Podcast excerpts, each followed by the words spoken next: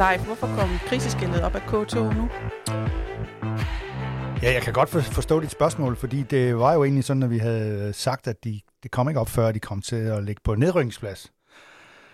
Men så tabte de så den fjerde kamp i træk. Øh, ikke fordi, at kampen mod Lyngby var i sig selv isoleret set kriseagtig. Øh, men så opdagede jeg jo, at vi har næste runde på søndag, hvor OB spiller i Farum, og jeg mener, at hjemmeholdet er favorit, uanset om de har haft en, et dyk.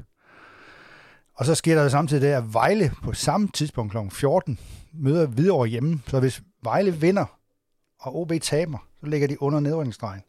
Så derfor var det på sin plads at hive kriseskilt, inden uh, at, at folk tror, at den hellige øh, øh, grav er, er velforvaret. Altså, man, der, er, der, der er krise nu, fordi de, de kan meget, meget nemt ende på understregen inden landsholdspausen, og så det er bare en krise. Altså længere er den ikke. Øh.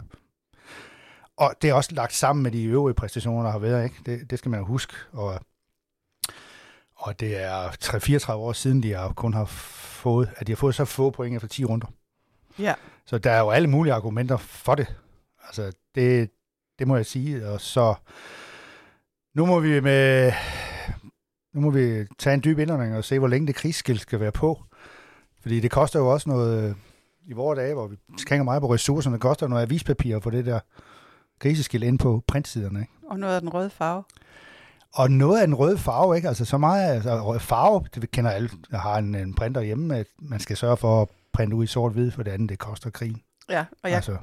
Til, til dem, der ikke ved det, og det er jo så alle, der lytter med, så kommer jeg lige ud fra trykkeriet af, og har set øh, de der såkaldte printerpatroner, Nå. som jo indeholder øh, mere end 1000 liter farvet maling. Hold op, det er sikkert også noget giftigt stads. Nej, det var vegetabilsk Nå. og alt muligt. Åh, for søren, det var simpelthen, vi er med på den grønne bølge. Ja, ja, ja. Åh, for søren, godt, så skal vi have flere farver i avisen. ja, nå. Men, især de grønne. Ja, okay. Især de grønne, ja. Men hvis vi lige opsummerer, det er fire nederlag i træk, tre mm. point over nedrykningsstregen, den dårligste start nærmest i mands minde. Ja. Piv-koncert, opråb til Niels Thorborg, sang om fyring af træner Andreas Alm, og historie om iskold luft i trænerteamet. Mandag ja. aften blev ikke et vendepunkt for OB. I stedet vandt Lyngby 2-1 og sendte OB helt ned som første udfordrer til Vejle og videre i den brutale kamp om at blive i Superligaen. Det intensiverede i den grad snakken om trænerføring, og vi skal naturligvis vende, hvorfor der ikke blev trykket på den knap efter kampen. Samtidig skal vi også vende selve kampen, som måske ikke var så slem, som nederlaget antyder. Mm. Vi kigger også på anførerforbandelsen, og så har vi et øh, godt tilbud til dig, kære lytter. Vi er sportsredaktør Leif Rasmussen og mig, Nina Vibe Petersen, og vi taler om OB. Men øh, vi er jo journalister, så vi starter med det vigtigste først, live. Ja. Øh, hvorfor er Andreas Alm stadig træner? Ja, det jo undrer jeg mig også over. Øh, faktisk, jeg troede egentlig, at det var hans sidste mulighed for at vise, hvem han er og hvem holdet er. Øh, men ledelsen har så åbenbart tænkt, at øh, jeg må, jeg må gå ud fra, at de har tænkt, at vi skal have is i maven, og at det den kamp mod Lyngby, det var ikke så dårligt endda. Det man så kan sige, det er, at det var de samme spillere, der brændte helt fuldstændig åbne chancer i Hobro, som brændte helt åbne chancer mod Lyngby. Ja. Så kan man jo godt forledes til at tro, at det er et udtryk for den kvalitet, der så er. Hvis man ikke kan finde ud af at score alene med målmanden, det skal man jo kunne på et tidspunkt, hvis man er angriber og købt for, jeg ved ikke, ikke købt for så meget måske, men dog, øh, altså det, det skal kunne lade sig gøre, ja. og udnytte de chancer, som OB havde i anden halvleg. Og de kunne, det er jo også helt symptomatisk at sige, at, at Lyngby også siger bagefter, at OB var det bedste hold. Men det var det jo, altså på, på de der stats og de der ting, ikke? På alt andet end det, der tæller, nemlig at lave mål. Ja, altså OB har jo en tendens til at give nogle mål væk, som man tænker, har de ikke øvet i det der, eller hvordan kan det ske? Det første dødboldmål, ikke? Altså, alle ved, alle har snakket om Magnus Jensen på forhånd. Det gjorde Bjørn Paulsen endda på forhånd, men han fik så ikke lov til at komme i duel med ham, fordi han blev sat af. Ikke at jeg siger, at det er forkert, men man konstaterer bare, at lige den situation kunne man godt have brugt Bjørn Paulsen. Og det OB's dilemma er, at de har to spillere, der kan hætte og er høje, og resten er ikke så, så høje og ikke så gode i luften. Så kommer man bag 1-0 på, på, på, på det, som svenskerne kalder en standard. Gør tyskerne vist også. Øh, men vi, ja, vi tenderer mere at kalde det dødbold, ikke? Som er sådan lidt et brutalt udtryk, når man tænker mere over det. Altså dødbold, ikke? Men, ja, ja. men, men, øh, og, og, men det blev jo på en eller anden måde OB's død. Det blev OB's død.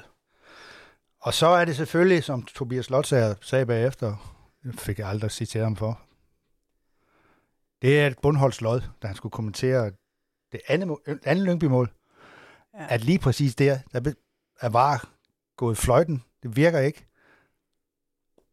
Og der er offside, som linjevogteren lader passere. Ja, for han har til synligheden travlt med at kigge på noget andet. Han ja, men jeg ved, jeg, ved, jeg, ved, jeg, ved, jeg ved ikke, om jeg tager ham i forsvar, men, det, men problemet er, at det foregår så tæt på ham, at ham, der får bolden, er meget tæt på ham, men den kommer hernede fra siden af. Ja. Hvordan kan en linjedommer se, hvornår den bliver ramt der, og hvornår den... Ja, ja. Altså, ja. Men det er jo, som det blev sagt, af Andreas Alm løb, det er tilladt at være analog som dommer, og ja, ikke kun digital. Ja. Det er jo meget godt sagt, fordi det er det som om, at nu har de ikke noget ansvar mere. De behøver ikke, at, de kan godt vinke, men det behøver de ikke, for de var redder dem, og de kan også lade være at vinke. Det kan de sagtens gøre, for det var redder dem. Og ligegyldigt, hvad fanden de gør.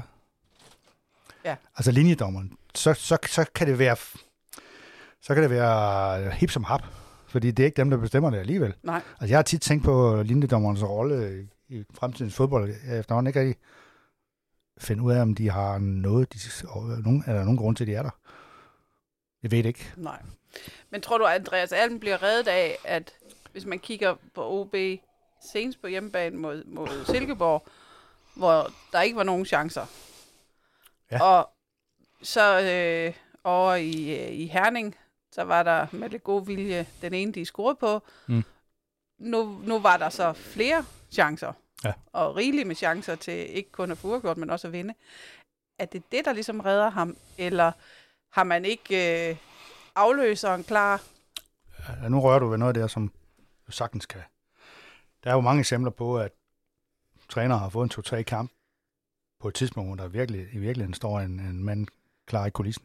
Ja den kan jeg bestemt ikke afvise.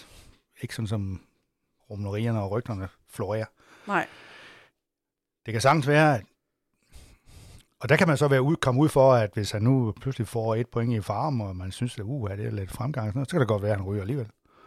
Ja, ja. Det er, jo, det er jo sådan, det er, fordi nu har man taget en anden beslutning. Øh, øh, men, men, men udefra set er det jo, jeg tror også Bjørn Mestrøm sagde det bagefter, det var sådan set vores bedste hjemmekamp i sæsonen sagde han til Via Play eller sådan noget. Men det var det vel. Det var vel også der, hvor den kamp, hvor de længst tid spillede fint. Ja, for de har en kanonstart på de første 20, 22, 23 minutter, ja. ikke? hvor man tænker, nu, nu er det kun et spørgsmål om tid i.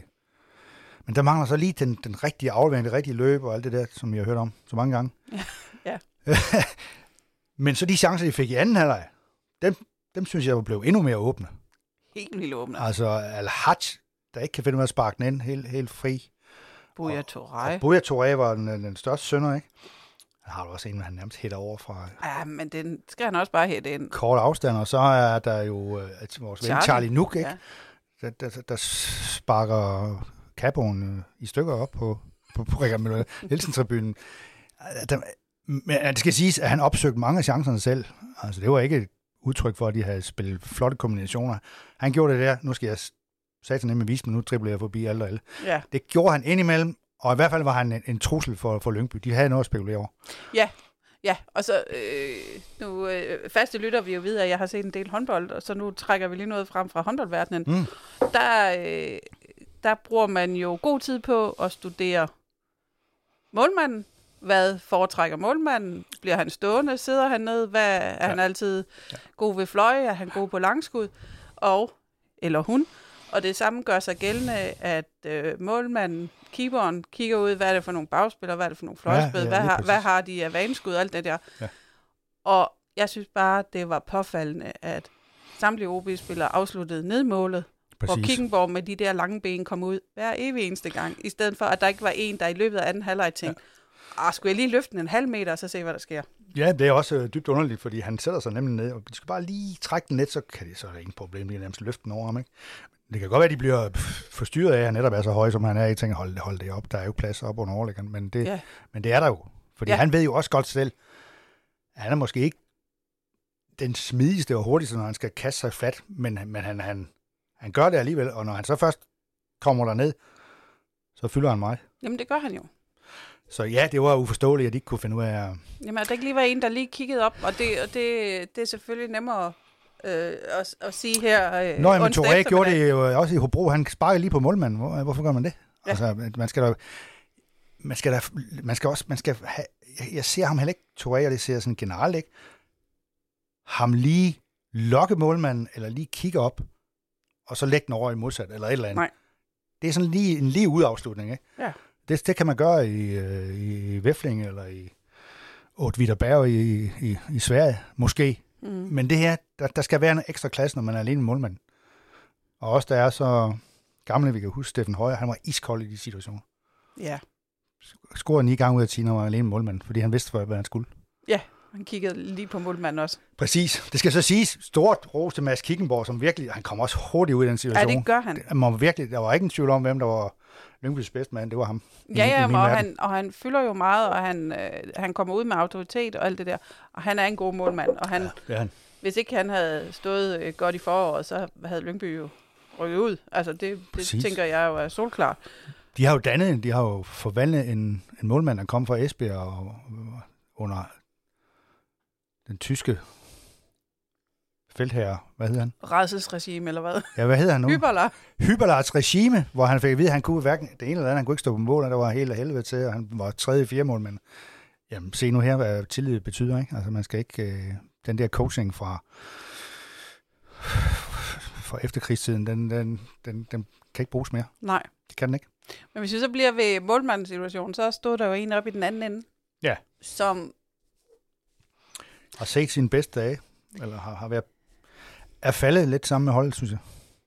Ja, det er ikke redningerne, der ligesom man, man kan genkalde sig. Han, han, har lavet han, han udstråler også sådan lidt, øh, jeg vil ikke sige apati, men jeg, jeg tror, jeg, hvis man kender Martin Hansen, så, så tror jeg, at han koger indvendigt. Der er ting og sager, han er utilfreds med. Ja. Og det sætter sig måske i hans spil. Han er, han er træt af, at der er Uh, ja, man kommer jo fra den, fra, den, fra den tyske Bundesliga, og sådan noget, hvor, hvor han er vant til, at der er nogen, der sætter sig i respekt med en, en vanvittig takling eller et eller andet. Ikke? Og det tror jeg, han savner, og det går ud af hans eget spil også, fordi han har ikke nogen at... Og spille op af det der? Nej, han har ikke noget at kommunikere med Nej. på den måde. Og, og han har ikke de der... Um, han har ikke ret mange af de der afgørende redninger, vel? Altså. Nej, det har han ikke. Det synes jeg faktisk ikke. Nu ved jeg, at der var godt nogen, der mener, at han skulle have taget det der første mål. Altså, ikke, den bliver sådan hættet i en bue hen over ham fra fire meter, det er altså svært. Ja, men jeg synes, udfordringen er, at han ham over på bagerst, over bagerst i feltet hætter den ind. Der går han et par skridt frem, ja. og så går han et par skridt tilbage, ja. Martin Hansen. Og der kan man sige... Der, der kan man blive fanget, ja. Ja, og det ved jeg ikke, om det, det, om det lige gør, at, at han ikke kan få fingrene på den der, det der bløde hovedstød. Men, Nej. men han ser bare ikke øh, godt ud. Nej. Altså, hvis det havde været for et år siden, så har han jo taget den der. 100 procent. Men, men ja, så er der selvfølgelig mange, der spørger, om det ikke er tiden til Hans Christian Bernard. Det, jeg tror, træneren er i en situation, hvor han ikke rigtig tør de der ting der. Ja, at vil det ryste båden for meget? Ja, altså måske. Men omvendt, er det ikke nu, man ryster båden? Jo, det kan du også sige. Det er nu, man skal altså, ryste båden, og så sige til Bernard, nu spiller du dit livskamp, hvis der er fire Nordsjælland spiller alene igennem. Du lukker dem ned. Ja. Altså... Ja, fordi Andreas Alm har jo ikke noget at tabe. Nej, de er kæmpe underdog. Altså, ja, ja. Og det er han også. Så, altså, ja, ja. Lige nu, ikke? Han, han er, alle venter på, at han bliver fyret. Ja. Altså, så det er bare at komme derud af jo. Så kunne han jo give den fuldstændig gas, for ja, ja. det kan være, at han ikke er der mandag morgen. Altså. Men, ja, men man må også sige, at sådan rent taktisk gav han den jo også gas mod Lyngby. Ikke? Der var ikke noget, vi kunne måske godt have ment, for at være sikker på, at der ikke sker ulykker, at de skulle spille med tre stopper og sådan noget, men, men det vil han ikke. Det var fremover stepperne, og vi spiller med Slotsager, og vi skal ikke bruge Bjørn Paulsen til noget, fordi vi vil fremover stepperne. Og øh, jamen, det, det så godt ud, øh, men øh, altså, operationen lykkedes, og patienten døde. Altså, sådan er det. Ja. Men, men, ja, der er stadigvæk, men der er selvfølgelig stadigvæk det der med, at man tænker lidt, der mangler sgu noget fysik ind imellem, og de der lyngby det er jo nogle store kale, altså. Islændinge og sådan noget, der takler igennem. Og der er OB, og specielt fordi jeg kunne se, at Svend Køler, han manglede 22 procent i at være ja, ja. op i gear. Han var lidt rusten. Ja, ja, selvfølgelig var han det. Men, men han, er, han er jo sådan en, der kan stå fast i de der situationer, ikke? Jo. Og lige pludselig så, og Mané fik, øh, eller Mane fik et gult kort, som koster ham karantæne, ikke? Så begynder det at blive lidt svært, jo. Jeg mener, at Lyngbys hold var OB's fysisk overlegne i nogle momenter. Så kan du sige, OB var Lyngby overlegne på alle mulige andre parametre. Ja, ja, fordi... Hurtighed og løb og kombinationer og fart og sådan noget, ikke? Ja, fordi i perioder, så, så undgik de jo Lyngbys fysik. Præcis. Altså. Og det er det, man skal kunne over en længere strækning. De, de, der var det der tidspunkt, hvor de fik en masse hjørnespark, ikke? Ja. Og der kan jeg huske, at man sad op på tribunen. Nu, momentum vender her. De er ved at miste det. Det ja. har man oplevet før. Der ligger ja. et mål i luften til Lyngby. Jeg giver dig 30 sekunder at låne i kassen. Ja. Altså. ja. Det er erfaringen, der... ja, ja, du kan jeg sagtens og prale med her som tirsdag, onsdags, torsdagstræner, ikke? Men det var... Jeg, jeg har vidner på det. der var nogen, der hørte det. Ja, ja det var Ja, og, men, og du var jo lige inde på det, Bjørn Poulsen var, øh, blev øh, sat af, og, ja. Og Ivancevic var helt uden for truppen. Ja. Øh, det var så anførende i Herning og anførende i Hobro, der lige pludselig øh, ja. ikke kunne, kunne bruges og skulle starte ud. Præcis. Øh, hvad, hvad foregår der? Ja, hvad foregår der, der egentlig?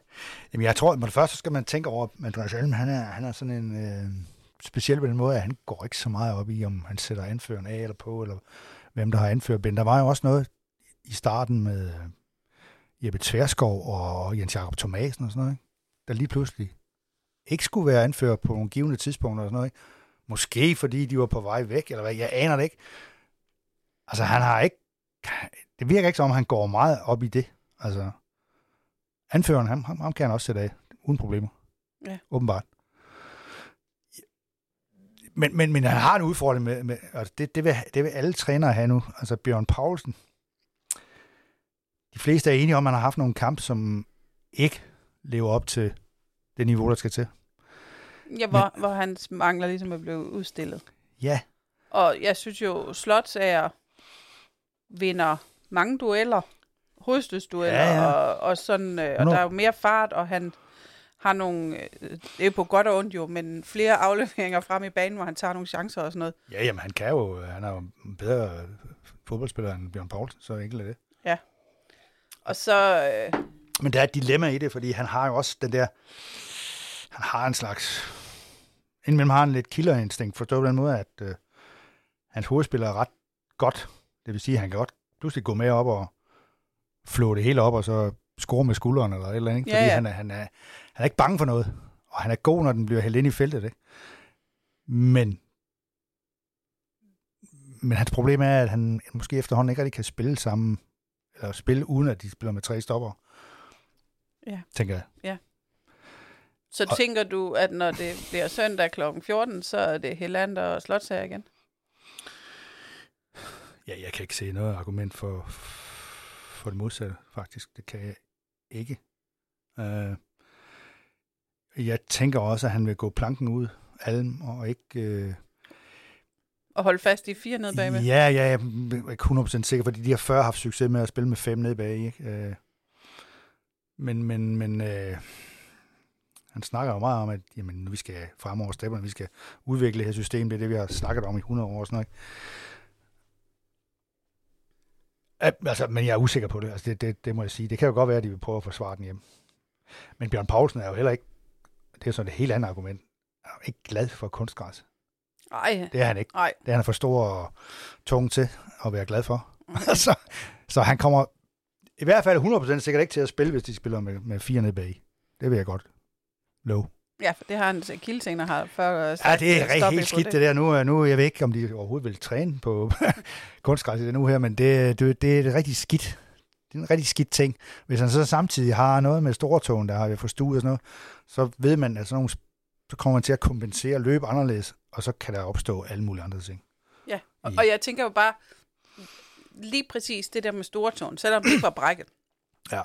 Når nu alle mand i forsvaret er klar, Ja. midterforsvaret er klar, Ja.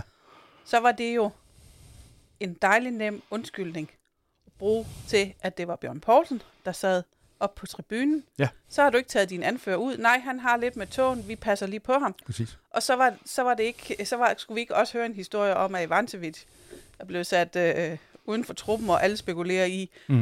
øh, hvad, hvad har han gjort ved Andreas Alm? Hvorfor kan han ikke bruges lige pludselig Ja. i sådan en situation, når han nu var god i foråret, hvor han spillede alle de der ja. ting? Men sandheden er, at Alm ikke brugte det som nogen som helst form for undskyldning. Nævnte det ikke med et ord, det med stortåen. Nej. Det var et valg, ganske enkelt. Han ville frem over stepperne, og til det skulle han ikke bruge Bjørn Paulsen. Fair nok. Øh, så, må, så må man bare sige, at nu er, nu er, nu er anføreren udsat. Altså, det, Ja, det er kan han. sagtens være, at Er det så ham, der sidder på tribunen næste gang? For det, det kunne det jo så lige så godt være, hvis, jamen, hvorfor? jamen, hvis man siger, at det er så Ivancevics. Jamen, ham har han åbenbart ikke rigtig fidus til. Nej. jeg kan, jeg, jeg kan sagtens forstå alle, alle, alle de her fans og eksperter, der tænker, sådan tænker jeg også. Hvorfor, hvorfor kan man ikke spille, hvorfor kan Evancevic ikke være nummer tre i det mindste, når nu Bjørn Paulsen har, har gjort det dårligt i nogle kampe? Altså, Ja, ja. De, de siger jo, at han er frisk, og det siger han også selv. Altså, fire uger uden problemer og ting og sager, ikke? Altså, og hvis de gerne vil have sådan noget vildskab ind, for ligesom at vægte dem alle sammen, så, så skal de jo tage sådan en som ham. Det skal de. Fordi Slotsager, han, han, han er jo ikke han er jo den stille og rolige dreng fra, jo- fra, fra Morude, og han, men han udstråler også noget... Altså nu kan jeg ikke huske... Den tredje, den tredje anfører blev jo så Baskim Katri midt under kampen, ikke? Han blev også skiftet ud. Hvem blev så egentlig anfører der til sidst? Det var Helander. Det var Helander. Det, det var, jeg nemlig mærke det til. er og også et signal. Det var nemlig et signal til Præcis. Martin Hansen, for eksempel. Ja, ham er jeg ret sikker på, at Andreas Alm ikke vil have som anfører. Det synes jeg var tydeligt lige der. Fordi måske han er bange for, at han vil blande sig i, eller have mening om, om, om endnu mere. Og, og det er der ikke noget, noget galt i, men de er som mennesketyper meget fra hinanden, øh, kan man sige, Alm og, og Martin Hansen. Det, det kan jeg godt sige, uden at sige for meget. Ja, ja. Fordi det er de bare. Ja. Øh, ja, men det er interessant, det der med, med, med, med Helander, fordi lige pludselig, så kan han være den faste anfører. Og nu Ja. er han, han er jo lige i dag for blev udtaget til det svenske A-landshold. Gud hjælp mig. Hold da op. Altså, jeg skulle lige til at sige, at jeg synes, at han, øh, han så bedre ud øh, i mandags. Ja, det Men jeg også. tænkte ikke, at han havde landsholdsniveau. Men, men Ah, nu skal jeg ikke nu, blande nu, mig i... Nu skal man lige i også det der. diskutere, om Sverige overhovedet har et landsholdsniveau i øjeblikket. Jo. Det skal man også lige huske på. De er jo ikke... De jo, ja, men de jo, at de, altså ligegyldigt, om, om Danmark er i krise, så er Sverige altså for tiden endnu værre. Altså, de, jamen, de er under Norge jo. Altså, Norge, de er også måske i fremdrift, men alligevel ikke. Men det er flot, at han efter halvanden års pause, så vidt jeg kan forstå, han havde vist en A-landskamp i 22 også, er tilbage. Ja. Det betyder da meget. Jeg synes, han så mindre rusten ud, mindre Ja. hoftestiv. Ja.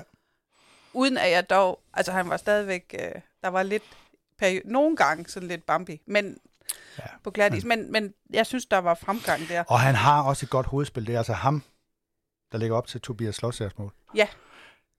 Der skal, der skal jeg så lige komme med en parentes her, fordi alle, og det gør alle også, beklager sig over det der varmål, som Lyngby fik. Ja. Jeg kan så afsløre, at OB's mål, ifølge var-folket, også var offside. Altså, jeg vil også sige, når man så den igen, så, så ville det også være sådan, at jeg der, ville er være noget med et bekymret ben, for. der er noget med et ben, der Ja. er, og den anden, har, har, han har en arm, og armen kan man jo ikke Nej, den tæller jo ikke. Den tæller ikke. Nej. Så, ja, altså, så, så kan man bare sige, at OB's mål var også blevet annulleret. Ja, for jeg synes faktisk, det, det værste ved, ved de der, at var ikke var der, Ja. det var den af Buya Turay, hvor han blev sendt i dybden, at den blev fløjtet tilbage, Ja. og det så viste sig, at han ikke var offside. Ja. Men hvis, hvis der havde været var, så havde, og det er jo ikke sikkert, at han havde gjort noget som helst, Nej, men, men så var, havde han jo fået lov at køre den igennem, det er han. og så havde vi bagefter kunne se, om der var offside eller Ja. ikke offside. Ja. Og det synes jeg faktisk på en eller anden måde, nu har vi vendt os til, at nu må man bare løbe på de der, og så så tager vi den bagefter, venner. Præcis. Ja, det har linjedommeren desværre også. Og, og det, fik, det fik mindst lige så store konsekvenser, som at det der er Lyngbys, ja. som er mere tydelig offside end Helander er offside. Ja. Men resultatet er det samme. De var begge to offside. Ingen af målene skulle have talt. Og så har OB bare tabt 1-0. Det, det, er, det, det, er ikke det er faktisk bedre at tage 1-2. Ja, på en eller anden måde. Fordi man får scoret et mål, ja. som tæller et eller andet sted. Ja. Hvis man står lige til allersidst. Så ja, det er der, vi er. Jeg ved ikke, hvor, hvor, hvor vi startede hen. Men, det ved jeg heller ikke, Men vi nåede i hvert fald et sted hen, lige med det der. det var noget med anførerne og sådan noget. Vi fik i hvert fald, der er mange anfører i spil i OB, kan man sige. Ja, og det, det er så ikke, øh, hvis man er anfører, så i lige øjeblikket, så skal man lige være opmærksom på, at man ikke nødvendigvis starter i den næste kamp. Det er der ikke nogen garanti for, nej. Så Baskim, kig dig lige over skulderen. Gør dig umage ja. til træning, ikke, hvis du vil starte ind. du spillede i Vansjevits en, en time på reserveholdet. Ja. Og jeg ved ikke, hvad man kan lægge i det, men og så spillede, hvad hedder han, Tom, jeg kalder ham Tribull. Men han hedder vel Tribul? Ja, det hedder han nok, når han er tysker, men hvis ja. man siger det på en, så er det en... ja, det hedder jo nærmest en prøvetyr, men ja. det, det er han jo ikke. Han har jo fået en kontrakt. Ja. Øh, Tribul. Tribul. Skal vi prøve lidt tysk? Tribul. Tribul. Tom Tribul. Ja. Ja. Er stærk wie eine Bulle. Ja. ja. Øh, han spillede en halv time. Det tænker jeg lidt. Han, jeg, ved ikke, jeg tænker jo, det er lidt, det er ham, der kan komme i spil nu. Ja. Hvor, hvor, hvor man er ude. Det er det. Men så bliver det jo sådan to tonser og sekser der. Køler og tribul. Ja, ja. Ved siden af hinanden. Men det kan da også være, der er, det ved jeg ikke, om der er brug for i farmen. Det, det, det. Altså, hvis man kan time taklingerne, så, ja. så er der jo brug for det. Den er i hvert fald, der er noget erfaring, øh, og, og så kommer det til at gå ud over Ejdom og Mustafic, ikke? som jo kunne se en chance der. Ja, men så må de jo holde sig til som indskifter, fordi der vil der ikke være hverken køler eller tripul. Ej, begge to spiller jo nok ikke fuldtid. Nej, det gør de nok ikke. Det gør de ikke. Men jeg tvivler på, at han tager to ekstra defensive midtbanespillere med. Kun den ene? Ja, kommer lidt an på, hvad de ellers har i posten. De Om har... Bjørn Poulsen skal med, eller... Ja, og gruppe kan man... Gruppe og sådan noget. Kan man jo ja. losse ud, hvis man vil. Vi ser. Ja, men, men nu var der... Nu, fordi OB så er i krise. Ja. Og øh, der ikke bliver vundet kampe, og de spiller tiltagende dårligt, og ja. øh, der er pibekoncerter, og øh, alt de her ting, så er der jo også ting, der begynder at sive fra Ådalen. Øh, så ja, det må man sige, det startede som en, en pletblødning, og så er det blevet sådan lidt mere, lidt, lidt sådan ligesom et, et norsk vandfald. Altså. ja, og, og det er jo helt klassisk, at ja, det er det. Så, øh, så kommer man ind i den rumle.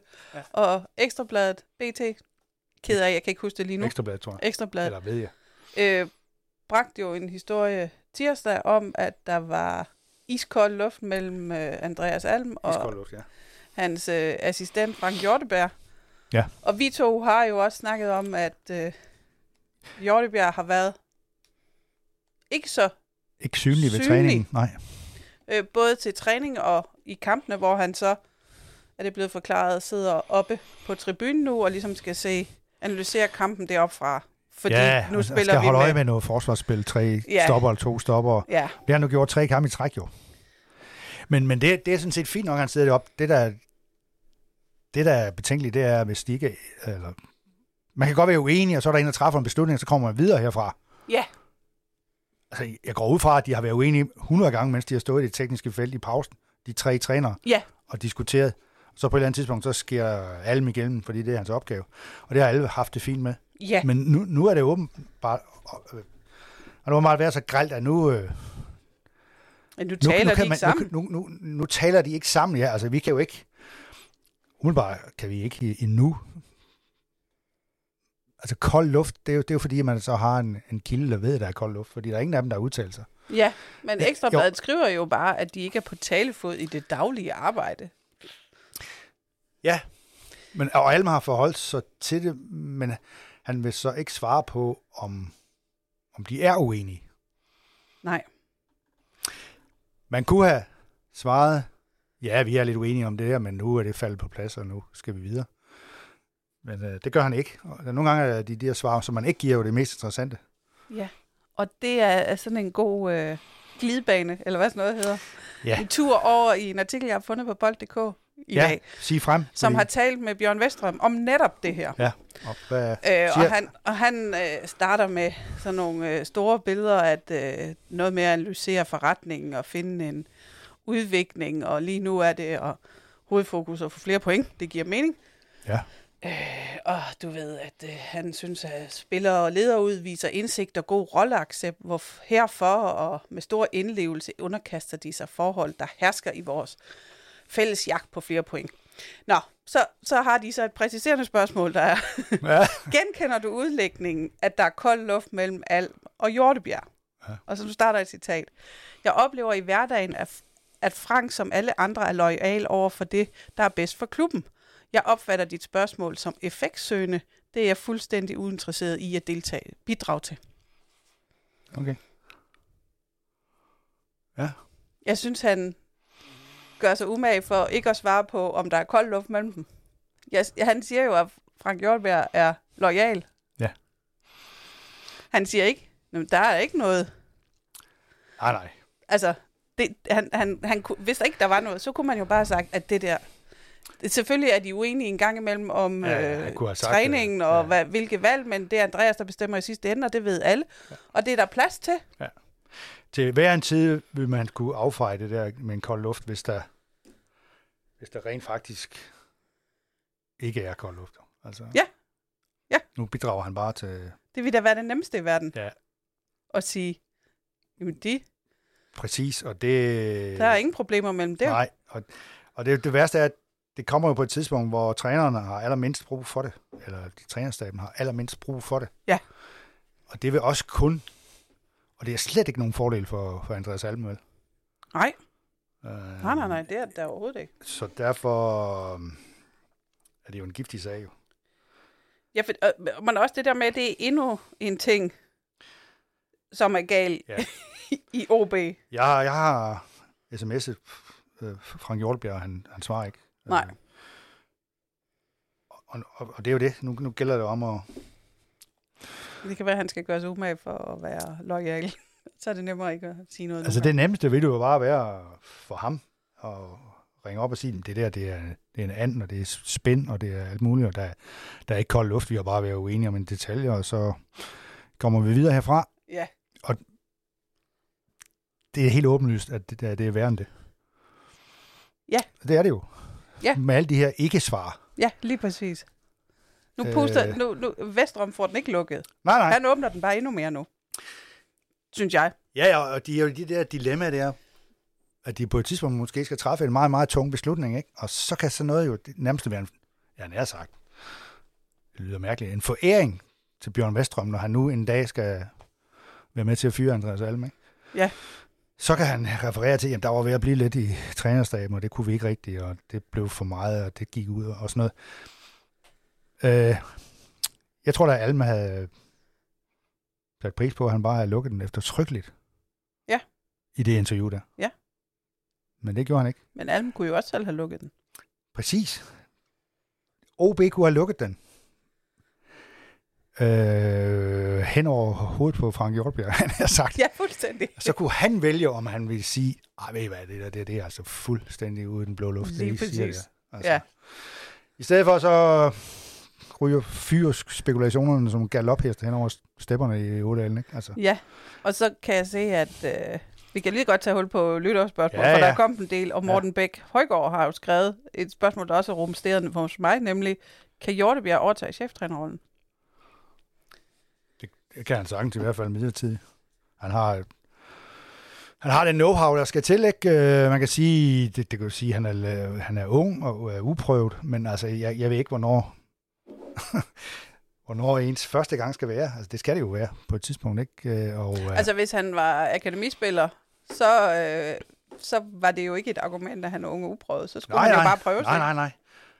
Han er, og han er da også, det er jo en, man kan høre, når han er verbal ude ved, ved sidelinjen, ikke? Så det er jo ikke en mand, der, der kryber langs panelerne, vel? Han tager ansvar. Øh, det kommer an på, hvordan OB ser sig selv, og de ser sig jo altid sådan lidt højere op i hierarkiet, end de rent faktisk er jo. Ja. Øh, så de skal have et navn, som det hedder.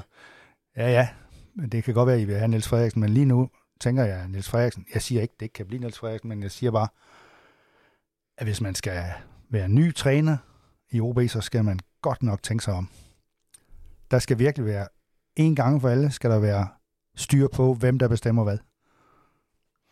Og OB kan ikke regne med en gang til at få en træner, som er fuldstændig ligeglad med, i hvert fald ud til, hvem, er, hvem er, der kommer ind som spiller.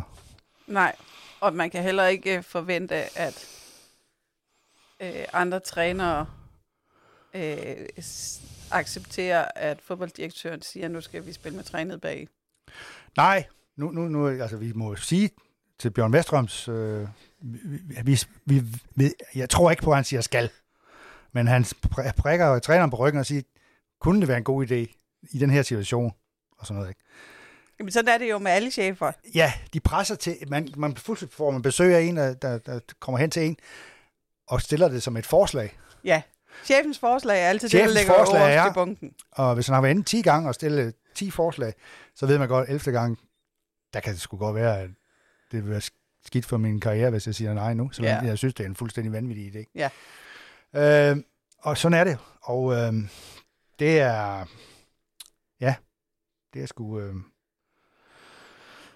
nu mistede jeg tråden hvad var det, vi snakker om her. Det var det der med, ja, nå ja, det med træner, men, men træner, ny træner skal også, hvem siger, altså uanset hvor gode intentionerne er, så kender jeg ikke andre klubber, der har sat procenter på, hvor mange akademispillere, der skal være inde i, i, på holdet.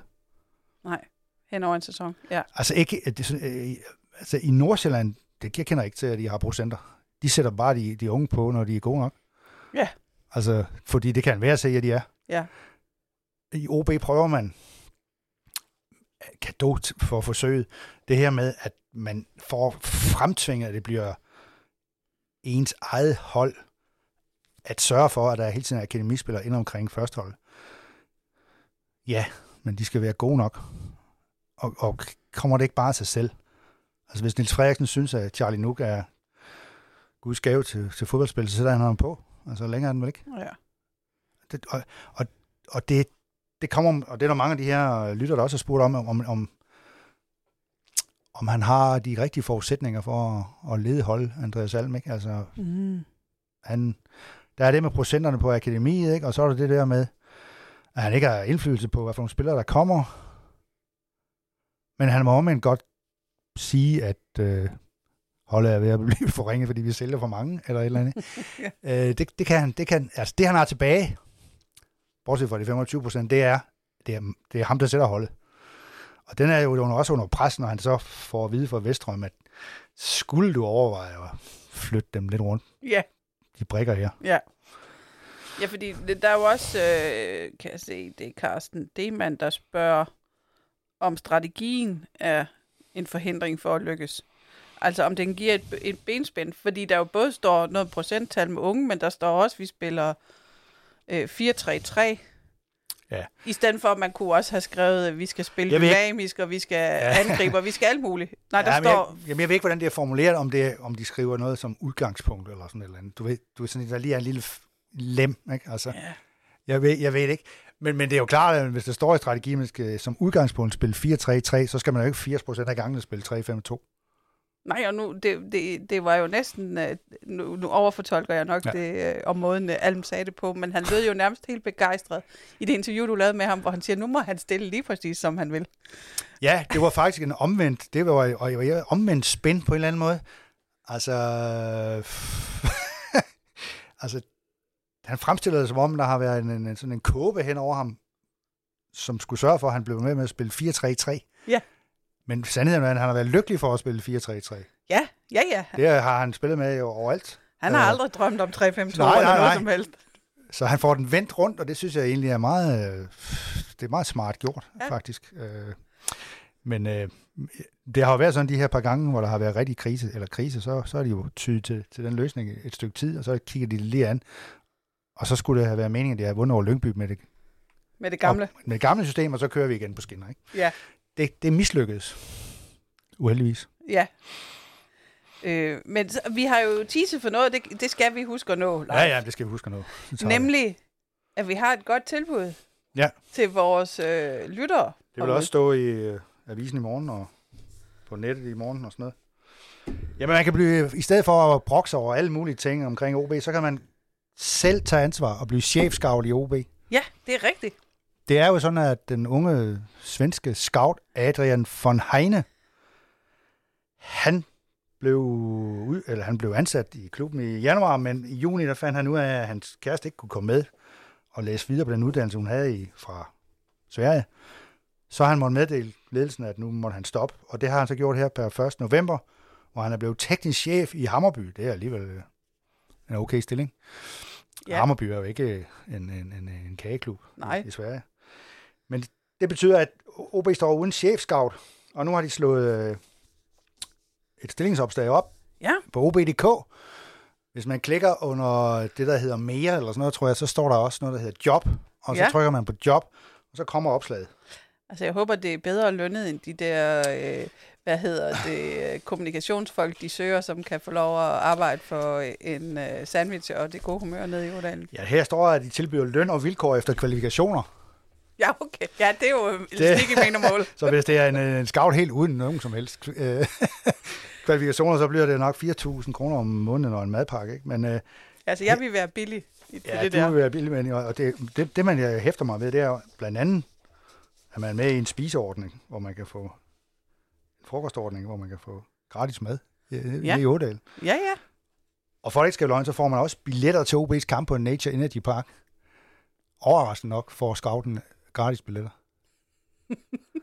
Var der en vist i nogen på, i det? På, ja, på hjemmebane får man gratis billetter. jeg ved ikke. Jeg tror, man kan komme ind over alt, hvis man er officiel scout. Øh, og så er det også sådan, at man kan, så bliver man udsat. Man skal huske at sende en, øh, en hvad hedder sådan noget, en scout, en, en, en hvad hedder sådan noget, en video præsentation af, af en spiller, man gerne vil have til OB. Altså for ligesom at se, om man, man, ja. man magter det her. Man skal, skal lave en fuld og samlet scouting-rapport for en venstreben offensiv spiller, som skal forstærke vores nuværende Superliga-hold. Spillerens markedsværdi må maks være 1 million euro. Og jeg skulle lige til at sige... Der... jeg skulle lige til at sige... Jeg foreslår, at han kuber min til. Men det kan man altså ikke, fordi han må koste, koste, koste 1 million euro. Ja, jeg tænker også, at jeg kunne finde en venstrebenet offensiv spiller. altså, de har jo sådan set solgt ham, som de, det ham, de leder som, efter. Som de ja. leder efter. Ej, nu skal vi være pæne. Ja. Øh, men det, man skal sende en videoklip, hvor du præsenterer den selvvalgte spiller, og som bakker din præsentation op. Ja. Jamen, så er det jo, det er jo sådan set bare at gå i gang. Man skal, man skal kontakte øh, fodbolddirektør Bjørn Vestrøm eller vicefodbolddirektør Steffen Nielsen, hvis man er interesseret. Ja. Det, der, man skal jo påregne, at man skal rejse i udlandet 60 dage om året. Det, det er jo det er jo logik, fordi som uh, Frederik Barfod siger, man skal handle, de handler i øst og i vest, så man kommer lidt rundt omkring. øh, ja. øh, om at, og ens weekend og helligdag er fuldstændig inddraget. Så det er ikke et særligt familievenligt job, tænker jeg. Nej, nej. Men det er det jo heller ikke at være sportsjournalist, det er noget helt andet. Men, øh, men, men det, og hvad var det noget mere, jeg stussede over? Nej, nej, jeg stussede ikke over, men, men man skal selvfølgelig passe på, hvis man tror, man bare kan gå ind for gaden, fordi man skal have minimum haft tre års erhvervserfaring, erhvervserfaring fra arbejde i lignende stillinger i forbund eller klub. Okay. Jeg ved ikke, det er nok ikke nok at have været spillende træner tre år i træk i år, eller sådan noget. Det er jeg ikke sikker på. Nej, jeg har fisket ude i Vissenbjerg og i Flemløs. Nej, jeg har fisket spillere i Vissenbjerg og Flemløs. Det tror jeg nu ikke, de gør i år. Det, det, det er jo folk af den rette støbning derude. øh, og så, så skal kører man, de over kommungrænsen og ja, fisker. Og, og det der med, og det er bare for at oversætte det for folk, der ikke ved, hvad subjektiv og objektiv betyder, det er, at man skal kunne lave subjektiv scouting og objektiv scouting af spillere til klubbens første hold. Objektiv scouting, det er, at man skal kigge i en masse data og se, hvordan, hvor langt han løber spilleren, og om man kan dreje højre eller venstre om, og alt muligt. Der er tal for alt jo. Ja. Og det er jo noget af det, der er med til at videreudvikle topfodbolden, fordi man simpelthen har data på alt. Ja. Det vil sige, at man skal kunne håndtere en, en, en, en computer som, som minimum. ja. Og sikkert også kunne, kunne gøre det på sin mobiltelefon. Det er, er allerede nogle af vores potentielle ansøgere, der måske falder fra her, hvis de ikke kan håndtere det. ja. Og så, men der er heldigvis stadigvæk noget, der hedder subjektiv scouting. Det vil sige, at man bliver inviteret til Yemen for at se på en eller anden spiller. Ja. Ser, ham, ser på ham i 90 minutter. Det er jo så hørt til noget, Andreas Almen ikke forstår en bjælle af. Han har aldrig været ude at se nogen spillere. Fordi Nej. han også blev bedt om det en gang. Så så han ham i en kamp, og så, så siger han bagefter, jamen, hvad, hvad, hvad skal jeg bruge det til? Altså, I har jo set ham 30 gange, hvorfor skal jeg se ham? Ja, i en kamp, ja. Men så ud at se ham spille. Ja. Måske snakke med nogen, der kender ham. Ja, hvor det, der, der kan man jo se, hvordan er hans attitude og sådan noget. Det tror jeg ikke, man kan, jeg ved ikke, man kan måle sådan noget men, mentalt noget i data, om han er, mister hovedet, når han er, er dommeren fløjter i den modsatte retning, eller et eller andet. Ja. Det tror jeg da faktisk, det er. Jeg mener, jeg kan huske, øh, der var sådan en seance ude på Nature Energy Park med Bjørn Vestrøm, hvor han brugte Minte som Ja, de viste hans scouting report fra. hans scouting reporter. Det var sådan noget med, Ja. har svært ved at se folk direkte i øjnene og sådan noget. Ja. Ja. Flakker med øjnene og sådan noget. Ikke? Altså, Ja. det, det, er jo- det er jo også øh, sådan Han noget, havde sådan en udpræget retfærdig- retfærdighedssans, så hvis han syntes, han blev snydt, så, ja. Så skulle man lige holde, holde fat i ørerne af ham. Ja, og det ja, oplevede vi så også nogle gange. Ja, det gjorde vi. Det gjorde altså, vi. han, når, han, når han følte, han, der var noget, jeg gik hans vej, og det ikke var rimeligt, så, så kunne han sa- sagtens reagere, for at sige det mildt. Ja. han var meget, øh, hvad hedder, noget? Hvad hedder det, når man reagerer direkte, efter noget, nogle ting er sket? Instinktiv. Instinktivt, ja. Lidt for instinktivt, Ja. vil nogen sige. Så der er ikke andet end, øh, man skal bare lave en ansøgning og komme med sit CV, og så skal man skrive sine forventninger til løn. Ja. Og så skal man selvfølgelig prøve at udnytte, at øh, OB ligger nummer 10 i øjeblikket, og har brug for spillere, der kan løfte dem op. Altså, Skal man så gøre ligesom øh, den tidligere øh, præsident i øh, Real Madrid, der under valgkampen, da han ville blive præsident, lovede, hvis I vælger mig, så henter jeg Figo i øh, Barcelona. ja, det kunne være, ja. Og så fangede et bord, så blev han jo nødt til at hente ham. Ja, og så ja. blev der lidt raballer. Men, men, men man kunne jo godt sige, at hvis I ansætter mig, så skal I se, nu kommer Ja, ved du hvad, altså hvis, ham hvis den venstre benet. Jeg kan Ja, godt, jeg kan altså, fiske en og ud jeg tror at man million. skal skrive i sin ansøgning, jeg, jeg kan love at få Christian Eriksen tilbage inden for et år. Uh, ja. Og så hente Falk samtidig med. Præsentere det i en samlet pakke. Ja. Det synes jeg, der vil være fint. Og man skal også være opmærksom på, at man skal, man skal med det samme. Der står noget om, at man skal øh, have mod til at udfordre det nuværende setup og procedurer. Okay. Altså det vil sige, at man skal faktisk gå ind og sige, prøv at høre, har jeg overhovedet, det skal man i hvert fald også, får jeg nogen indflydelse her overhovedet?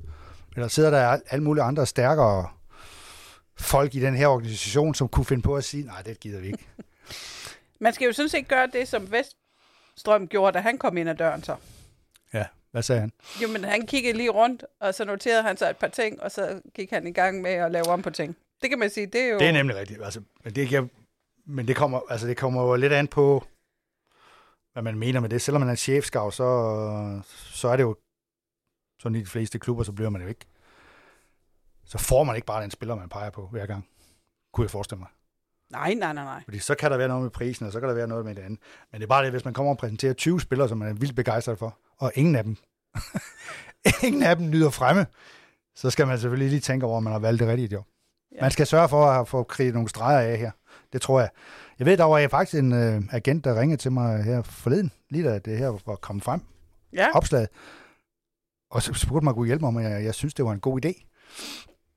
Så sagde jeg, det har jeg jo sådan set ikke øh, noget, sådan det store mening om, men jeg synes, Nej. at du skal, det, der skal jo ikke noget med at, at, at søge, og så komme til møde, og så rise tingene op, og så sige det, som det er, og dine forventninger. Ja. Så kan du jo se, om det er noget for dig. Det var sådan set det jeg kunne svare. Det, det er da også det er da spændende. Det er da spændende job, hvis man er, ja, han har sagt, en fri fugl eller et eller ja, andet. ja, ja, og hvis man har bare lidt forstand på det, så, Ja, så ja. vil jeg da sige, det er da... Det, Altså, det, nu der, har jeg ikke øh, forstand på at scoute og, og det der data. og White Scout, Transfer Room og Skill Corner. Dem skal man have kendskab til, de Ja. tre, tre ting der. Men det, er, det var bare for lige at tease. Og det må jo betyde, at der kommer endnu flere ansøgere, efter vi har lavet det her. Det er klart, nu vælter det ind. Vi, vi har, det er konstruktiv journalistik, det her. Det er det. Vi har, har faktisk hjulpet OB med at komme videre. Det var lige før, vi også skulle have en fribillet en dag, hvis de vælger en af vores. Ja, vi har så øh, måske nogle gange adgang alligevel. Øh, men, det, men det er der egentlig, og det er da også forfriskende, at jeg kan ikke huske umiddelbart sådan et opslag blevet altså offentligt tilgængeligt på OB.dk. Nej, at det ikke er bare noget, man... Øh, ja, de siger det jo selvfølgelig, fordi de, de sendte en presmeddelelse ud om, øh, ja. at øh, han stopper, men, men, og det ja. kan man sige, det er jo nok til at lade sive i de kredse der. Ja, at så, ja. Det kan også være, at de allerede har vedkommende, men så de skal bare lige se feltet eller et eller andet. Det ved jeg ikke. jeg ved ikke, om der har været tillidsrepræsentant ind over Jeg har, set, jeg har hørt, at på LinkedIn, der, der findes opslag også, og der, der bliver man, der får man titel af Wise CEO eller sådan noget. Okay. I scouting. Ja, det er godt nok, jeg er ikke 100% sikker på, at jeg siger det rigtigt, men det er en meget, meget flot titel. Ja. Inde på øh, LinkedIn. Ja. Så ja, det var ugens tilbud til fodboldfolket. Til alle mandagstrænerne. Man kan blive chefscout og en gang for alle. At, at alle, sit hold. Alle dem, der godt kan se, hvem der ikke slår til. Men husk, at Johan Cruyff, han er stoppet for mange år siden. Så ham kan man ikke hente. Han er jo ikke Han er ikke levende mere, jo. Han er ikke kun stoppet. Han er ikke kun stoppet. han, øh, ja. han, han, han sidder, hvis han følger med i uh, OB's gørnerladen, så er han nok øh, øh, ikke tilfreds med Nej. niveauet, vil jeg det sige. Jeg, ikke. Altså, jeg har flere, jeg har mange øh, lytterspørgsmål, hvis det er. Ja. Der er en af her, nu driller jeg ham lidt, fordi det er jo faktisk en kære gammel kollega, Jan Bunde fra Erhvervshus Fyn. Ja. Der er jo øh, konstaterer, det er interessant i, hvad sker der med en trup som OB under det her pres? Altså, de store kulturbærer væk, et helt nyt kul er kommet ind udefra, og spiller vel for dem selv. Hvem, hvem, er, hvem er det, der sørger for den kulturelle ledelse, så der løftes i flok? Øh, og så siger han noget med John Bjørn Paulsen og Martin Hansen, er måske ikke det, man skal bruge nu, fordi at man, øh, det er ikke sikkert, det er det der med at råbe ind i ansigtet, der er vejen frem. Nej. Altså, jeg, jeg tror, hvis der er, hvis der er en kulturbær, og ja, en, hvem der, er det? der kan være lidt samlende, ja. så tror jeg, det er Baskim. Det var også en af dem, jeg tænkte på. Han har selvfølgelig det der med, at han spiller allerlængst fremme på banen, og det nogle gange kan være ja, lidt men svært. Jeg, jeg tænker ikke kun sådan på banen, jeg tænker faktisk også uden for banen. Ja. Men han er jo den hele oplagte. Altså fordi, og så, og så synes jeg måske, at... Jeg synes, at Tobias Slotsager har det i sig. Det har han også, men, men det kan man ikke stille krav til en 17-årig om, nej, nej. at han går ind nu. Nej. Og i øvrigt var det helt forkert, at han blev sendt til det der tv-interview efter kampen. Han det gør synes, det, det synes du også? Han gør det fremragende, ja. men det er sørme ikke din 17-årige, du sender hen til det interview. Du ved, der går højst tre sekunder, så er der et spørgsmål om, hvor ringe de er, øh, nedrykningsfare ja. og fyring. Men hvad svarede han?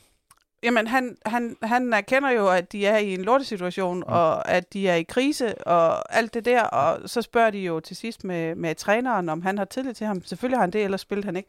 Han klarer det så godt. Ja. Men der har det bare sådan, jeg er faktisk ligeglad med, at Bjørn Poulsen ikke har spillet ja. et sekund i den kamp. Der skal OB's kommunikationsafdeling sige, vi sender Bjørn Poulsen, ja. eller vi sender Baskim Kadri. Og, og, og, og sådan er det, altså der skal de skulle skærme den unge mand. Nu siger jeg bare noget, jeg synes ikke, han er så... Jeg synes ikke, det er så farligt, fordi han er... Han er, han er næsten voksen før tid. Altså, men det kan selvfølgelig også være et, et, et problem. Altså, ja. jeg, jeg, jeg synes faktisk, at han virker utrolig afbalanceret i de her situationer. Og selvom man kan mærke, at han er under pres, så er han så intelligent, at han, han sagtens skal håndtere det der. Men det er da rigtigt nok, set fra, fra det der synspunkt, så kan det være en UAS-post at komme på som 17-årig. Ikke? Jeg synes bare, det er nogle andre... Han er længere fremme end nogle af de andre unge. Ja, ja. Jeg vil ikke, der, var ikke, der har ikke været nogen af de andre unge, jeg ville vælge, hvis jeg var journalist på nej, nej, nej, nej. Viaplay, vel? Nej, nej, men, men jeg synes bare, og selvom han har en høj plads i hierarkiet ja. og alt det her, så er han ikke øverst i hierarkiet. Nej. Og, og det er ikke ham, der, der, der tegner truppen. Nej. Og det skal slet ikke være ham, der tegner den i krisetider. Nej, og det er måske det, der er virkeligheden er OB's problem. Altså, ja. at lige pludselig, så ja, har de faktisk en 17-årig, der er øverst i hierarkiet. Ja, altså der var, der var jo, øh, okay, jeg ikke huske, hvornår det var live. En af de kampe, jeg var med til at dække på et tidspunkt, ja. hvor jeg ville, gerne ville snakke med Charlie. Ja. Øh, og så var han vel blevet pillet ud i pausen, og det var ikke gået så godt og sådan noget. Nej. Og så øh, fik jeg at vide, at det kunne jeg ikke. Baskin kommer i stedet for. Ja. Og der var det heller ikke gået godt. Det var sikkert Nej. i den der periode øh, sidste sæson, hvor de havde et point efter fem kampe. Ikke? Jeg tror, de tænker som sådan, vi, uh, vi skal helst... De tænker jo i positive historier, det er fint nok. Han har scoret. Ja. Det er skide godt, vi, vi tager ham. Det er sådan, de tænker. Men der er jo ikke nogen, der spørger ind til det mål. Nej, lige præcis, men det... Men, men, hvis, øh... hvis de havde fået 2-2, ja. Så havde det været anderledes. Nu tabte ja. de. Ja. Så synes jeg bare, at det var Bjørn Poulsen eller Baskim Kadri, der skulle stå der. Og så synes jeg i det hele taget, det her med, hvem det er, der skal gøre noget. Mm. Jeg kunne godt tænke mig, fordi der lige nu ser ud til at være sådan et øh, tvivl om, hvem det er, der bestemmer på det hold. Det er der i allerhøjeste grad. Så kunne jeg faktisk godt tænke mig, selvom at de Og det er har, det, Jan Bunde jo også er inde på Ja. her. Hvem, hvem er det egentlig? At, at selvom de har været der i, i respektive 5 og 10 minutter, at Helander og Køler Præcis. Men, går ind og, og, og så Ja. Og det er bliver det, lederne, Ja. tager det lederrum, Ja. fordi det, øh, det er jo pivåbent. og det er det, der er det svære, fordi de har ikke været der så lang tid. Nej, men, men, men, men lige nu, så trænger holdet til, at der er nogen, der gør noget. 100 procent. Og så må de gøre det. Altså, så må de være ligeglade med. efter min mening også ved at gøre det, indtil han skade, ikke? Altså, det, Ja. det, det, kan de godt, fordi hvem er det, hvem er det, de skal passe på for, de, for det gamle segment, han har sagt, som kunne føle sig trådt over tæerne? Ja, Bjørn Poulsen, men han bliver sat af. Ja.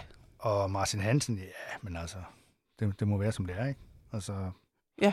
han har måske en position på banen, hvor man kan sige, at det er lidt svært at, at lede det hele. Ja, Altså, ja. Det er altid en god idé at finde en, øh, en, en midterforsvar og en defensiv midt til de der opgaver der. Og så er Baskim jo en, en helt særlig position. Ja. Fordi han er jo folkets anfører, ikke? Også. Jo, jo. Ja, ja. Det, det, det, og det er vigtigt i den her tid, når de snakker så meget om kultur. Ja, og jeg, så, jeg, så tror jeg bare, han har noget, noget menneskeligt. Ja. Og det siger jeg ikke, de andre ikke har, for sådan kender Nej, jeg dem ikke. Men, men, men, men sådan den der, han, han, øh, han ligner en, der kan tale med alle i truppen, Ja. for eksempel. Plus, og det skal man ikke uh, undervurdere, han er dansker. Ja, ja. Ikke for, det er ikke noget forkert i, at de har udlændinge.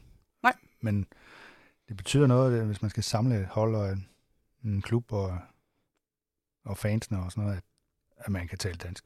Ja, og, og nu, øh, altså, nu var det jo så igen i mandags, da de stod til skideballer nede ved, øh, ved OB-fansene nede på Ja. øh, Richard Møller-tribunen. Så er det jo igen Rami Al-Hajj, der går forrest, og han stopper ikke øh, inde i strafsparkfeltet. Nej, han går sgu om bag målet og står Ja. helt nede ved banden. Så godt. Han er, hvad er han, 21-22? Ja, Noget i det lav. Ja, han. Øh, og han er kommet i sommer, Ja. og han står dernede, og han snakker lidt med folk, og han tager det lort der, Ja. hvor der er andre mere erfarne, Mm. der har været i truppen længere, Ja. som holder sig en 10 meter væk. De står der godt nok, og de, lytter, de skal have ros for, at de alle sammen lyttede til det Blev hele stående, ja. og blev stående. Øhm, og det var dog en, en, en øh, fremskridt fra, fra den der øh, Silkeborg-kamp, hvor der var mange, der havde travlt med at komme væk. Ja. Men, men åh, der synes jeg godt nok, der er, der er nogle af de der, der lige skal træde et skridt frem. Ja. Og tage det på deres skuldre, i stedet for, at det er de unge og nytilkommende, Men jeg tænker nogle gange, at det også, måske er det også et forholdsvis nyt, i hvert fald i OB, at, at tilhængerne øhm, reagerer sådan. Ja. Og at spillerne kommer ned og skal stå model til både glæde og til sorger. Ja. Og det kan da godt være, at nogle af de gamle ræve, de tænker, det gider kraft dem ikke. Altså, altså det, det kan man ikke, øh, man kan ikke afvise, at der er en generationskløft der også. Altså, med hensyn til, hvad man skal. Finde sig i. finde sig i, ikke? Ja. Men det er jo, du ser jo ikke en, øh, du ser jo ikke en Bundesliga-kamp eller noget, uden at, at, at spillerne går ned og møder deres rasende fans, efter de har tabt 4-0 til Bochum, ikke? Altså, så, så, så skal man jo altså stille sig til rådighed. Jamen, det skal man. Og så må man også gerne, så tager de megafonen og forklarer de fire-fem ting, der gik galt, ikke? Og vi skal nok komme igen næste gang, og vi håber, vi I er bag os, og, og så Ja, videre, og så ja. videre. Det er bare blevet en del af fodboldspillet, skal man være klar over. På godt og ondt. Er der mere, vi skal have med ja, på for Søren, jeg har jo meget store bogstaver på de her Ja, ja, papirer her. Jens Brandenborg, han siger, at da Tverskov skiftede til FCN, skrev du, at det var nødvendigt, fordi de unge spillere i FCN ikke vidste, i hvilken retning de skulle løbe. Det er jo altid problematisk, når folk reagerer på noget, man har skrevet, så ja. man kan dårligt huske det selv. Men, men, men, det, men det er rigtigt, at jeg skrev, at det var et fornuftigt skifte for ham, fordi han var den perfekte mand til at sætte skik på unge spillere og deres måde at agere på banen mm. på, ikke? Øh, så er det, han spørger, løber de unge i OB den rigtige vej uden tværskov? det er nemt hurtigt svar, jo. Der må jeg sige nej. nej. de løber lige nu ikke den rigtige vej, sådan generelt set. Ja, men jeg synes heller ikke, de får øh, så meget hjælp af det system, de skal spille, og, og at holdet i det Nej. hele taget, at der ikke er nogen, ret mange, der spiller rigtig godt. Nej, det er ikke Så er det svært lidt, at være ung. Øh, der er nogle, altså, de, de er lidt ude og ind, ikke? Altså, Slotsær, ham behøver man ikke have nogen tværskov for. Nej, nej, nej. Altså, han, han, er, han er på sådan et niveau, som han klarer sig selv. Men det er Aske Adelgaard, det er Charlie Nuk og Selven. Selven og Ejdom og, og ja, gruppe, ikke, som jo ja. næsten ikke har spillet. Nej. Altså det, de har brug for noget, for noget, for nogen, der leder dem. Det, ja. Ja, og, og når det holder i krise, så er der for mange, der har travlt med at passe deres egne Bix. opgaver, ja. til man også lige kan hjælpe. Og der synes jeg måske, at Helander ser ud til at kunne hjælpe Aske Adelgaard lidt derovre. Ja, der, der var i hvert fald ikke... Øh, det, det var ikke der, blunder. Nej, ikke på samme måde, som på samme vi har niveau, set som, Nej, nej. nej. Det, øh, ja, det var svar på det spørgsmål. Så vil Christoffer Hass gerne have, at vi snakker om Torborg, de krav, der har været på diverse skilte, som vi har set. Men der er bare at sige, at øh, jeg kan, vi kan sagtens forstå, at nu vil folk gerne have at vide, hvad der egentlig foregår. Ja, hvad er det for noget? Hvor er pengene henne til nye spillere, og hvor, hvor, vil, hvor vil forretningen hen, og hvorfor bliver det ved det her med at køre i ring? Ja, hvorfor er han tilfreds med, hvorfor at han OB tilfreds nu med, på 13 år hænger ned i den ja, her? Hvad er, det, hvad er det for nogle mekanismer, der gør, at sådan er det? Når I nu har valgt en, en, en, en, en sportslig ledelse, en markant sportslig ledelse på, på et tidspunkt for et par år siden, ikke? Ja. Men det... Torborg er ikke øh, til den snaksalige side, må vi sige. Nej, altså alle folk prøver med alle mulige tricks at få ham til at sige... Ja, vi fik ham til at sige noget efter kampen. Jo. Tre ord rent faktisk. Ja. Ikke, det han sagde? Ikke efter mit vidne på et spørgsmål om, hvorvidt Andreas Alm var fyret. Ja. Ikke efter mit vidne, sagde han, inden han gik ind i bilen. Underforstået. Det er jo ikke hans afgørelse. Alene. Alene. Nej, men der var ikke lige lige plads til opfølgende spørgsmål? Nej, eller det var der ikke. Der var døren lukket. Og han kørte hjem mod øh, lange linje, stille og roligt. Ja, men han er jo velkommen uh, her i studiet. Han er vi velkommen til, at vi har, vi kan snakke i fire timer, hvis det skal være. Niels ja. Torborg. Ingen problem. Ringer bare. Ringer bare, og vi sætter alt til side, og vi har også små snitter. Og ja, ja, vi har kaffe på kanden. Kaffe på kanden, og der er slet ingen problem. Vi kan også uh, skaffe vand med brus, hvis det skal være en af de dyre Det kan vi også. Øh, ja, ja, vi har snakket om Almer Hjortebjerg, ja. om det er rødende og usundt, og vil smitte af på spillere og øve medlemmer af staben. Den korte version er, at det, det smitter af. Det gør det da. Det er ikke optimalt. Kan du ikke contain, som man siger? Nej. Hvor er Torborg? Vil han overhovedet OB, spørger Jimmy Svensson. Og den her har jeg ikke noget at tjekke. Jamen, jeg kan godt huske, der var et eller andet da Martin Rasmussen skriver, får I også Aarhus fremad 1998 wipes. Var det, i, det var i 98, de rykkede ned? Ja, og det kan godt være, at det har været... Jeg husker også, der var et land med Aarhus fremad kampen, som muligvis var afgørende for, at de rykkede ned. Men jeg kan ikke huske detaljerne. Jeg kan bare huske, at som ligekisten var en udbanekamp i Lykby. Præcis. Tabte 4-0 ja. og brændte de største chancer inden. Altså, men i hvert fald er det her med Aarhus Fremad jo et meget godt eksempel på, fordi det var jo også en skandale, at Aarhus Fremad kunne, kunne vinde over OB, og, og, og det ikke var dem, der... Ja, jeg tror ikke, de rykkede ud Aarhus Fremad sammen med OB. Det var en anden. Ja, det har jeg fuldstændig fortrængt, hvem ja, det vi, var vi, den anden. Ja, vi er lige væk med det der. Beklager. Um, så, så vibes, ja, men ikke på et konkret niveau. Nej, der, men der er et eller andet om på ryggraden, der, der sidder. Vil en fyring af Alm overhovedet løse nogle problemer? Det er også et godt spørgsmål er det de forkerte spillere, der er hentet, og kan han i virkeligheden ikke gøre for det? Det kan man sagtens øh, problematisere. Altså indtil nu må man sige, at det er ikke de rigtige spillere, hvis de skal præstere her nu. Så har de jo den der tese om, at vi kan gøre dem bedre med tiden. Ja, men det kan man ikke blive ved med at sige. Fordi de skal være... er i hvert fald nogle af dem, der skal være gode her nu, og bedre end dem, de har haft. Altså, jeg synes jo, at Alm har et ansvar for, at de til tider løber rundt som, og nu overdriver jeg, hovedløse høns, høns, der ikke aner, hvad de skal.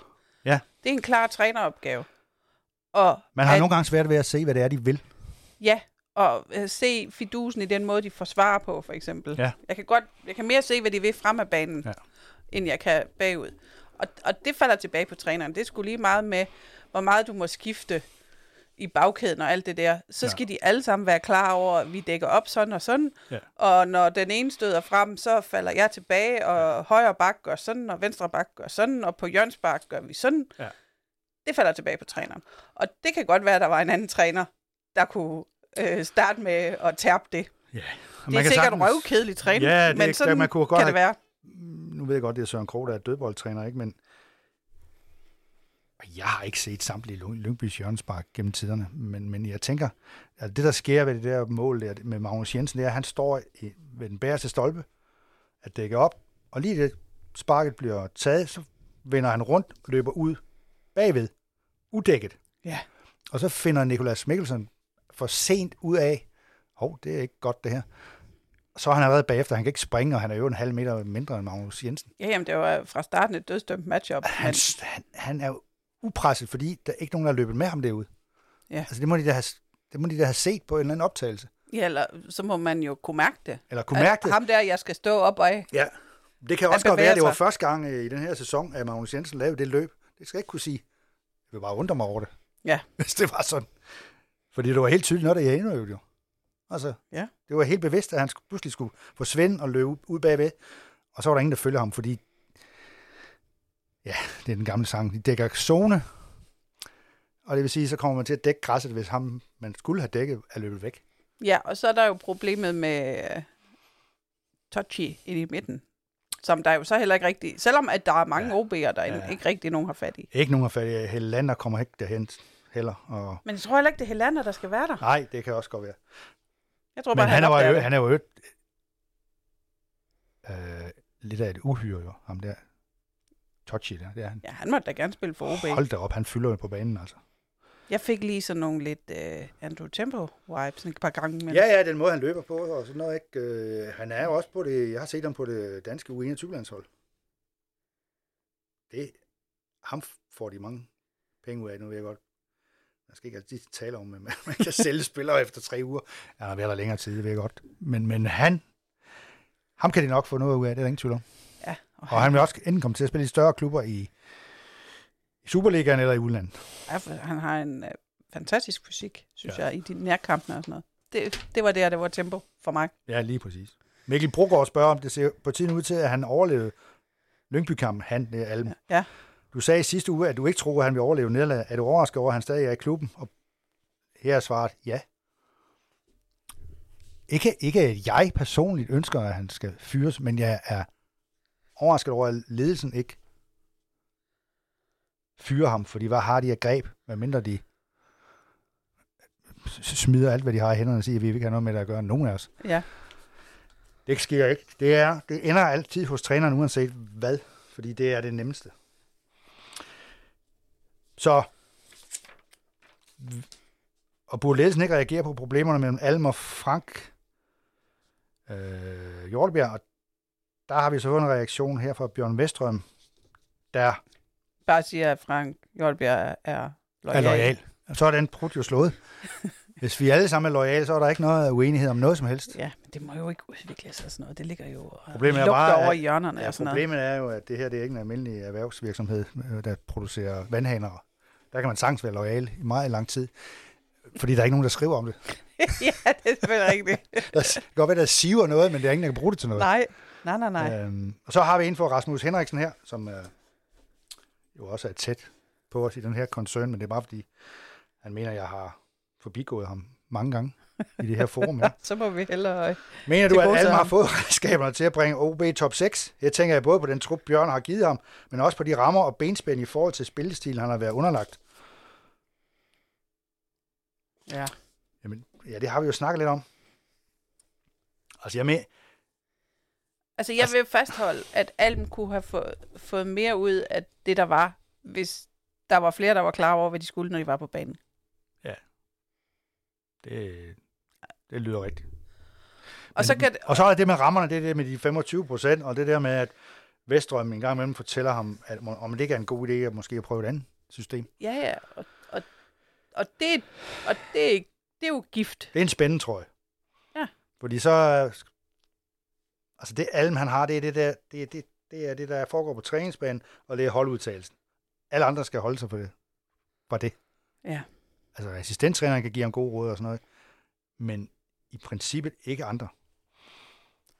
Øh, Nej, og der er lige kommet en, en ekstra, En ekstra, en ekstra assistent. der så også lige er direktør. Direktørassistenten. ja, men, men det er på en eller anden måde virker, det- men, men det har altid virket som om, det er noget, de ligesom har aftalt, at efter kampen, så kommer Bjørn ned til Alm, og så diskuterer de lige. Ja, de vender lige kampen. De og vender det, men, lige men, kampen. men det har de jo gjort altid. Ja. Altså, så det er jo ikke nyt. Men uh, til syvende og sidst, så må man tro på, at Alm kan bestemme, hvordan han vil spille. Uanset hvad direktøren kommer og siger til ham. Men det, er bare, det der bare er, det er, at hvis man så ikke vinder, så er man udsat. Det er man. Så derfor har han jo nok i nogle kampe spillet et system, han ikke selv foretrækker. Ja, Men det er så den måde, de arbejder sammen på. Det er så der man at gøre tingene på. Ja, det er. Men, men live, nu skal du lige høre, nu, har, nu Jeg det kom frem. ved at være 11 minutter siden, vi rundede en Teams øh, taleradio ja, her. det, Det skal ikke undre mig. Og, og, øh, så det kan være, at vi skal til at Ja, og, øh, og, og, og trække stikket lidt. Øhm, det skal vi. og vi har stort set ikke nævnt øh, kampen på søndag i Nordsjælland, men det Nej. må vel bare være, at det vil være klogt for Alm og OB og, øh, at vinde den kamp. Alternativt få et point. Øhm, og så øh, håbe, at, øh, at Hvidovre Spiller Tager nul- point fra spiller 0-0 Vejle. i Vejle. Det stinker jo af at være en 0-0-kamp. ja, det gør det. Øhm, Det skal, der er der en chance for, at OB ligger over stregen øh, på, på søndag også. ja, ja, det er der da. Men, men hvis man skulle have, hvis man skulle finde øh, to vinder i de to kampe, så vil man jo, så er procenterne jo på Nordsjælland og på Vejle. Ja. Det kan ikke diskuteres. Og vi snakker meget om det der kunstgræs og sådan noget, men det er bare lige nu ikke noget en, en fordel for OB, de skal på kunstgræs. Det er det bare ikke. Nej. Så ved jeg godt, at Nordsjælland har haft nogle tynde præstationer på det seneste, fordi de er med i Europa og de der ting. Men puha, der skal virkelig, der skal noget opfindsomhed til at komme det overfra med en sejr. Det må jeg sige. Selvom de har vundet over dem i pokalen for et par år siden. Fordi Aaron Ellis Flanderson, han kastede sig op i luften et par gange. Ja. Ham har de så ikke mere. Øh, Han er der heller ikke. hans fysik kunne de godt bruge lige nu, altså. Men Ja. Det er en svær kamp. Det er det. Det bliver en...